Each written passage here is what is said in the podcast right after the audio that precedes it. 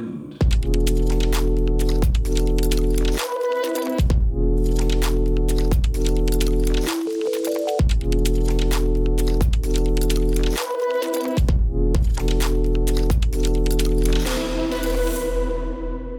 Cześć, słuchacie All Good, podcastu o designie i biznesie. Wita się z wami Mateusz Karasiński i Bartek Słukowski. Będziemy chcieli dzisiaj poruszyć temat związany z dostępnością treści internetowych i szeroko rozumianą dostępnością. Porozmawiamy o WCAG, czyli Web Content Accessibility Guidelines.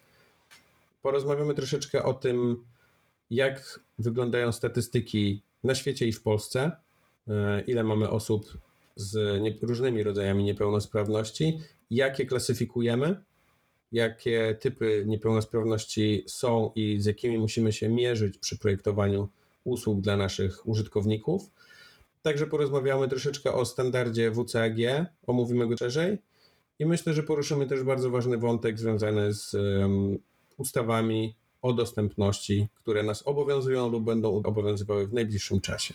Dobra, powiedziałeś o różnego rodzaju niepełnosprawnościach, ale tak naprawdę dostępność to nie tylko wątek, który dotyczy osób z różnego rodzaju niepełnosprawnościami. Ten wątek może dotyczyć nas wszystkich i to właściwie niezależnie od tego, czy jesteśmy chorzy, czy zdrowi, czy duzi, czy mali. Te specjalne potrzeby, jeżeli chodzi o dostępność e, treści internetowych, możemy mieć chociażby już wychodząc z telefonem na słońce. Wyobraźmy sobie taką sytuację, gdzie idziesz ulicą, spieszysz się na tramwaj, chcesz sprawdzić sobie, czy masz bilet w telefonie, ale jest tak jak teraz, super słońce.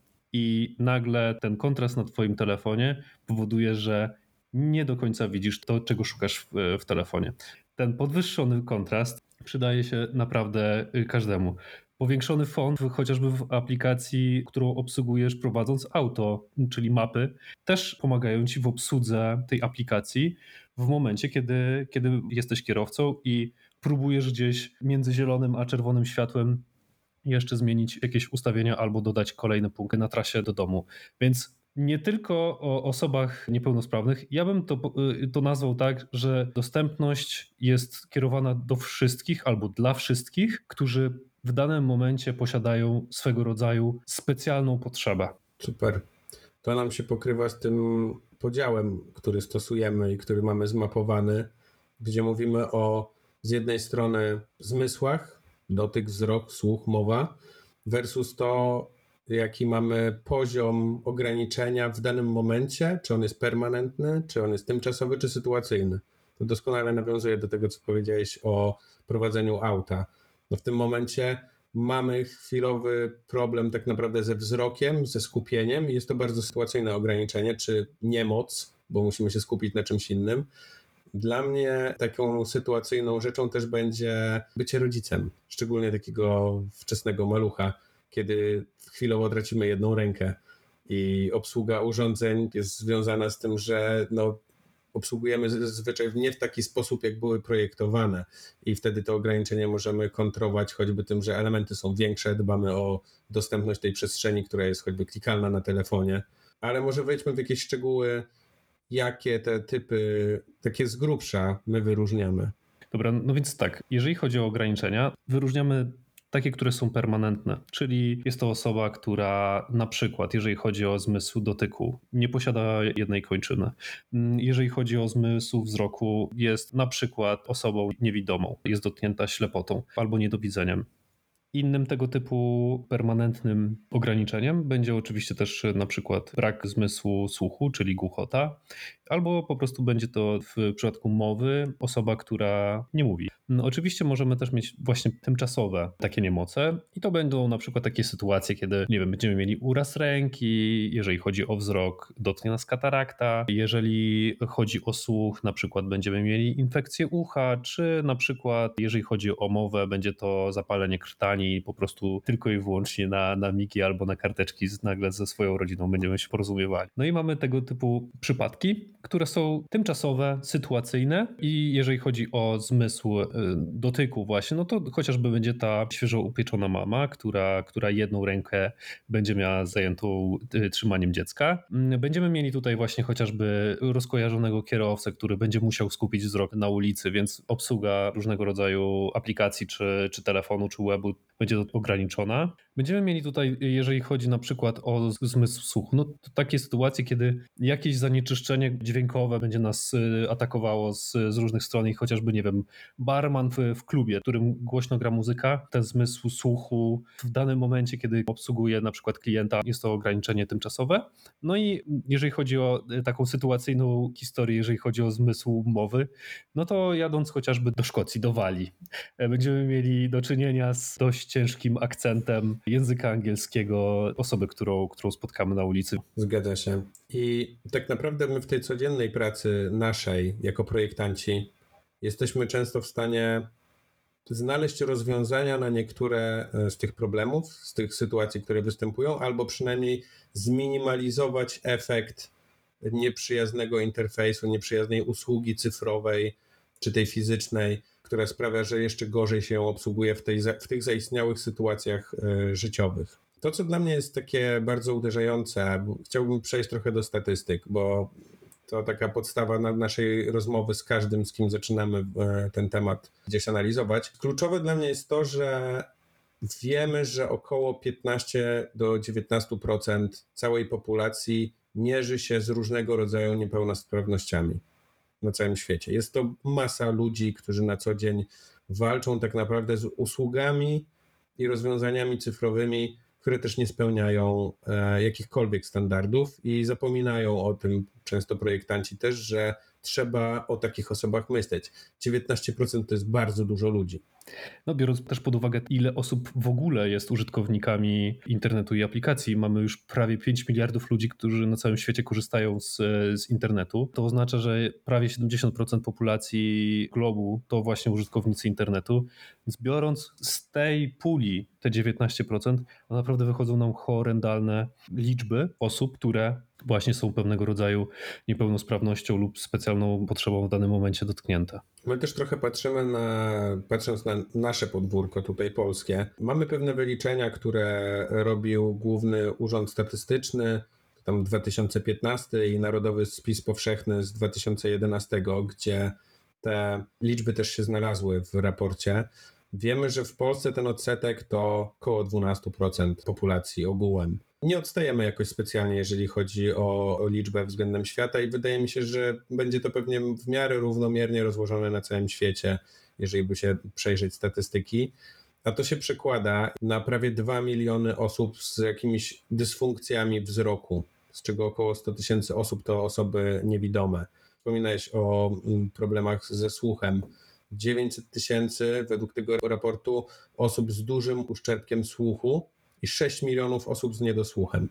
To, to są liczby, które pokazują, że naprawdę 12% potencjalnie naszych klientów, którzy korzystają z usług, mierzy się z jakimiś problemami obsługowymi naszych usług, o których zazwyczaj my nie myślimy.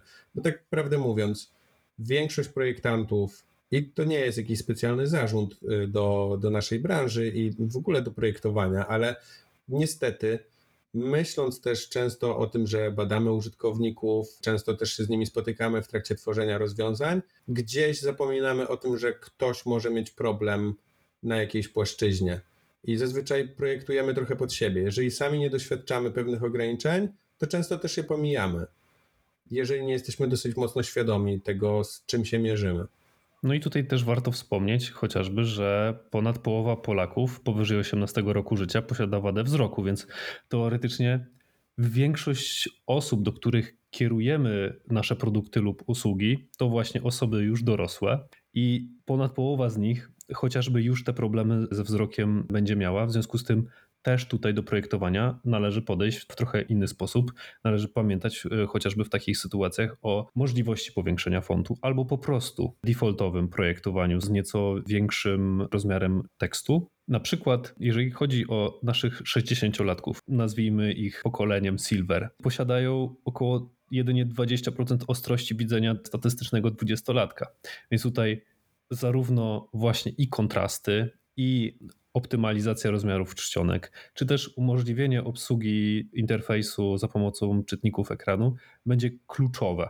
No ale oprócz takich problemów stricte związanych z ostrością widzenia, nazwijmy to tak i ogólnijmy, e, są też inne schorzenia, takie jak chociażby e, zaburzenia widzenia kolorów, takie jak daltonizm czy totalny brak rozpoznawalności kolorów. To ja tutaj dorzucę jeszcze jedną rzecz, bo z punktu widzenia czysto biznesowego, to jest nasz klient jak każdy inny. I teraz, jeżeli nie zadbamy choćby o zapewnienie tych kontrastów, z badania choćby naszych projektów, e, właśnie jak się zachowują nasze barwy brandu, czy w ogóle rozwiązania, które stosujemy, na przykład ze schorzeniami typu daltonizm, może się okazać, że obniżymy na przykład poziom konwersji w naszym sklepie e-commerce, jakimś procesie, który jest dla nas kluczowy, tylko dlatego, że na przykład znikają z interfejsu przyciski akcji, bo na przykład zlewają się totalnie z tłem dla osoby, która nie widzi danych barw.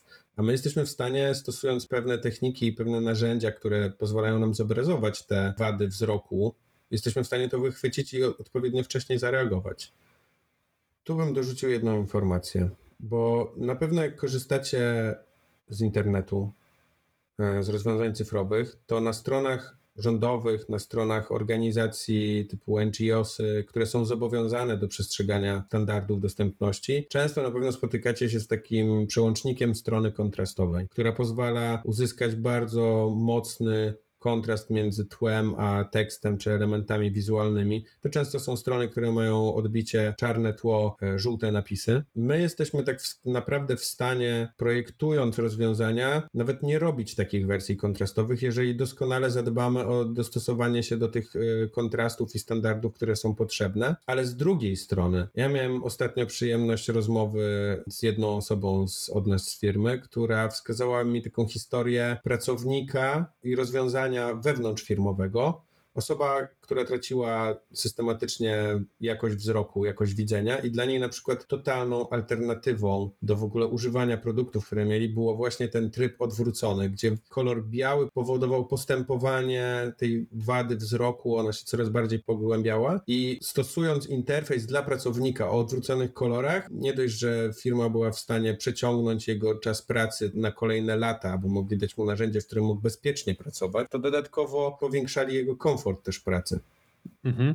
Takie strony kontrastowe, o których powiedziałeś, czyli takie, które całkowicie zmieniały barwę, faktycznie były też takim rozwiązaniem, które stosowano głównie kiedyś. No ja pamiętam chyba w 2008 albo w 2009 roku, kiedy projektowałem stronę dla telewizji polskiej, to był chyba jeden z pierwszych polskich serwisów, który właśnie takie specjalne tryby wtedy posiadał, ale to spowodowane było głównie tym, że właśnie zarówno technologia i też trochę to, w jaki sposób były wytwarzane strony, to chyba miały więcej ograniczeń niż dziś. No ale też nie, nie mieliśmy tego tematu na pewno aż tak dobrze zbadanego z drugiej strony jak teraz.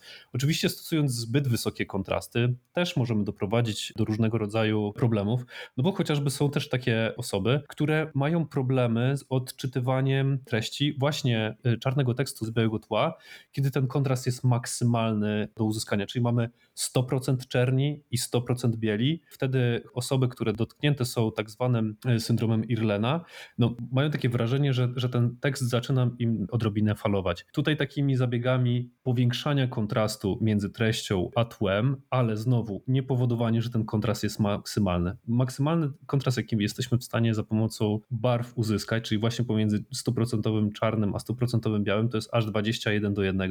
No i takiego kontrastu żadna osoba nie potrzebuje. Treści internetowe muszą mieć minimalny kontrast wynoszący 4,5 do 1 dla tekstu regularnego oraz 3 do 1 dla treści nagłówków. Nie jest wymagany aż tak wysoki kontrast jak właśnie 21 do 1. Natomiast no, im bardziej się ten kontrast zwiększa, tym też możemy właśnie spowodować pewnego rodzaju problemy z, z odczytaniem. Dobrze, Mateusz, bo ty się odwołałeś teraz do standardu WCAG. Ja bym chciał tylko pokrótce wytłumaczyć, co to jest, kto jest właścicielem tego, po co to jest, żeby nasi słuchacze też e, doskonale sobie zdawali z tego sprawę. Jest organizacja W3C, czyli World Wide Web Consortium. Organizacja, która zajmuje się ustalaniem standardów pisania i przesyłu stron internetowych i w ogóle rozwiązań teraz już też cyfrowych. Firma założona przez twórcę standardu www, od którego się tak naprawdę wszystko wzięło. Ta organizacja tworzy standard o nazwie WCAG, o którym rozmawiamy i w tym standardzie mamy różne poziomy, które za chwilę będziemy analizowali dostępności, czyli jest to tak naprawdę checklista tego, co my jako projektanci i deweloperzy tworzący potem finalne rozwiązanie powinniśmy spełnić z punktu widzenia i wizualnego, i technicznego, aby dostosować się do danego poziomu dostępności, który gwarantuje, że rozwiązanie będzie dostępne dla kolejnych osób z coraz głębszymi ograniczeniami, aż uzyskamy rozwiązanie cyfrowe, które jest w całości dostępne. WCAG to jednak nie tylko standardy wizualne czy techniczne. Jednym z aspektów, który należy spełnić, to aspekt prostoty języka i prostoty komunikatów, jakie kierujemy w serwisach do naszych użytkowników. Poziom, który powinniśmy uzyskać, to mniej więcej poziom gimnazjalisty, czy też osoby kończącej podstawówkę. Powinniśmy unikać na pewno żargonu, czy też języka technicznego albo jakiegoś specyficznego, a wszystkie trudne pojęcia albo skróty powinny zostać w jasny, klarowny sposób wyjaśnione w pierwszym wystąpieniu tego danego słowa w tekście. Dobrą dość praktyką też, jeżeli chodzi o prosty język, jest pisanie bezpośrednio do odbiorcy kierowanie się per ty. Kolejnym aspektem jest cały szereg rozwiązań funkcjonalnych. Jest ich bardzo dużo i tutaj należałoby się odwołać znowu do dokumentu i do dokumentacji WCAG, ale jest kilka takich zapisów, o których wielu z nas nie pomyśli, a w codziennym korzystaniu mogą być bardzo pomocne nam wszystkim. Jak na przykład sterowanie karuzelą na stronie głównej, czy chociażby konieczność dodania przy takiej karuzeli pauzy, która zastopuje zmieniające się odsłony. Kolejną taką funkcjonalnością może być na przykład sterowanie każdym dźwiękiem, Tutaj standard mówi nam, że każdy dźwięk trwający powyżej 3 sekund powinien dać się sterować, ale też powinniśmy móc dać użytkownikowi sterować każdą animacją, która trwa więcej niż 5 sekund, czy też filmem, który trwa więcej niż 5 sekund. Innym aspektem będzie na przykład konieczność dodania napisów do wszystkich treści wideo, wszystkich treści multimedialnych oraz transkrypcji do tych treści, czyli takie tekstowe opisanie dla osób niewidomych, co się dzieje na ekranie, ale też jakie są dokładnie dialogi. Innym bardzo istotnym, ale zapominanym często przez projektantów jest konieczność dodania przycisków przewijających treści na boki. Mamy erę mobile i tych stron, gdzie wiele treści scrolluje się na bok jest naprawdę mnóstwo. I tutaj należy zwrócić według standardu WCAG uwagę na to, że jedynym naturalnym scrollowaniem jest scrollowanie góra-dół. Natomiast te strzałki pozwalające przewijać treści na boki będą jedyną możliwością, żeby niektóre treści serwisów zostały w ogóle odkryte przez użytkowników. Dobrze. A czy masz jakieś swoje ulubione, specyficzne wymagania, które znalazłoby się w zapisach WCAG? Mm, Wiesz co, może nie takie, które y, chciałbym wdrażać wszędzie, ale takim, które mnie najbardziej zaskoczyło, jest zapis dotyczący migających elementów lub pulsujących elementów w interfejsie. Dla mnie ten zapis jest o tyle ciekawy, że kompletnie jakby nieoczywisty i nikt z projektantów nie zdaje sobie sprawy, że jakby jest to istotna rzecz. Natomiast jest to zapis próbujący zniwelować chociażby ataki padaczki, które mogą zostać wywołane przez właśnie zbyt częste zmieniające się elementy. A ten zapis tak dokładnie ujmując mówi o tym, że nie powinniśmy w serwisie zastosować żadnego pulsującego albo mrygającego elementu, który zmienia się szybciej niż 3 razy na sekundę. Więc bardzo, bardzo specyficzny zapis i totalnie nieoczywisty.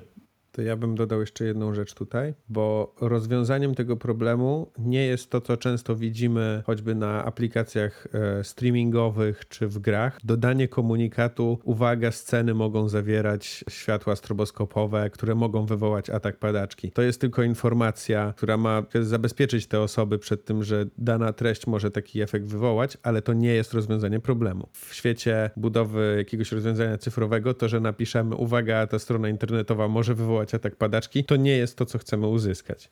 No dokładnie, powinniśmy po prostu unikać tworzenia takich serwisów, takich treści i takich stron internetowych.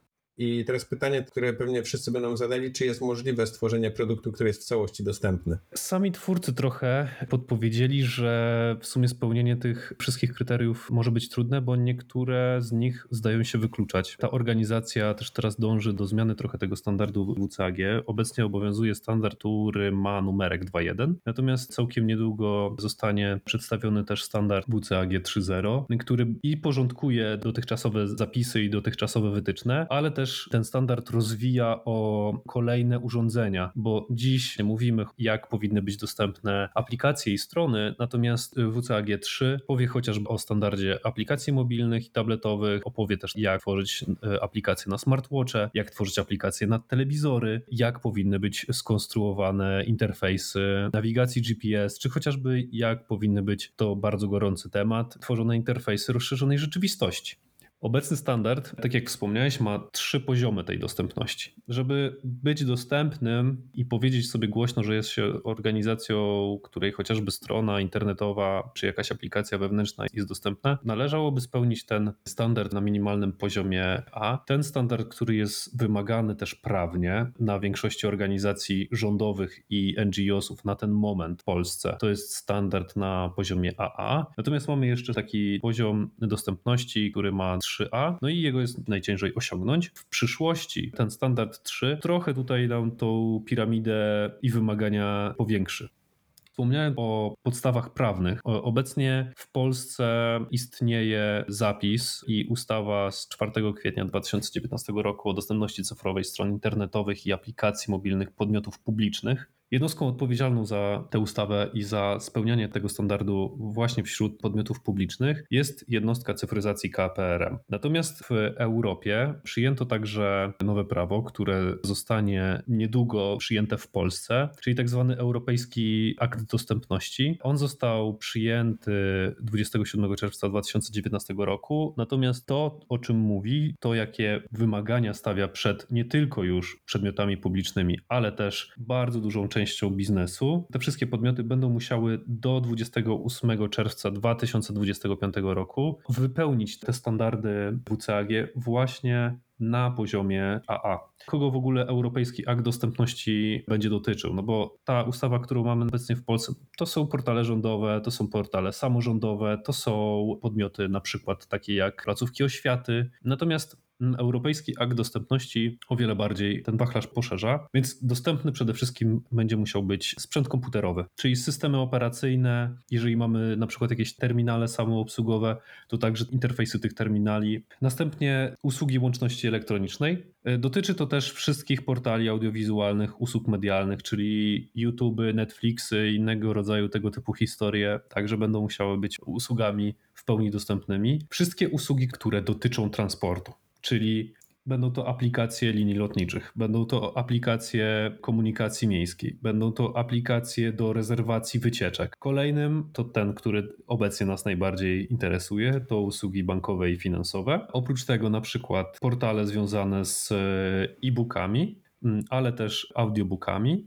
No i dostępne także będą musiały być wszystkie sklepy internetowe. Cały handel elektroniczny, jaki się dzieje, także będzie musiał, mm, ta cała branża będzie musiała przejść pewnego rodzaju transformację, by właśnie stać się mm, branżą dostępną.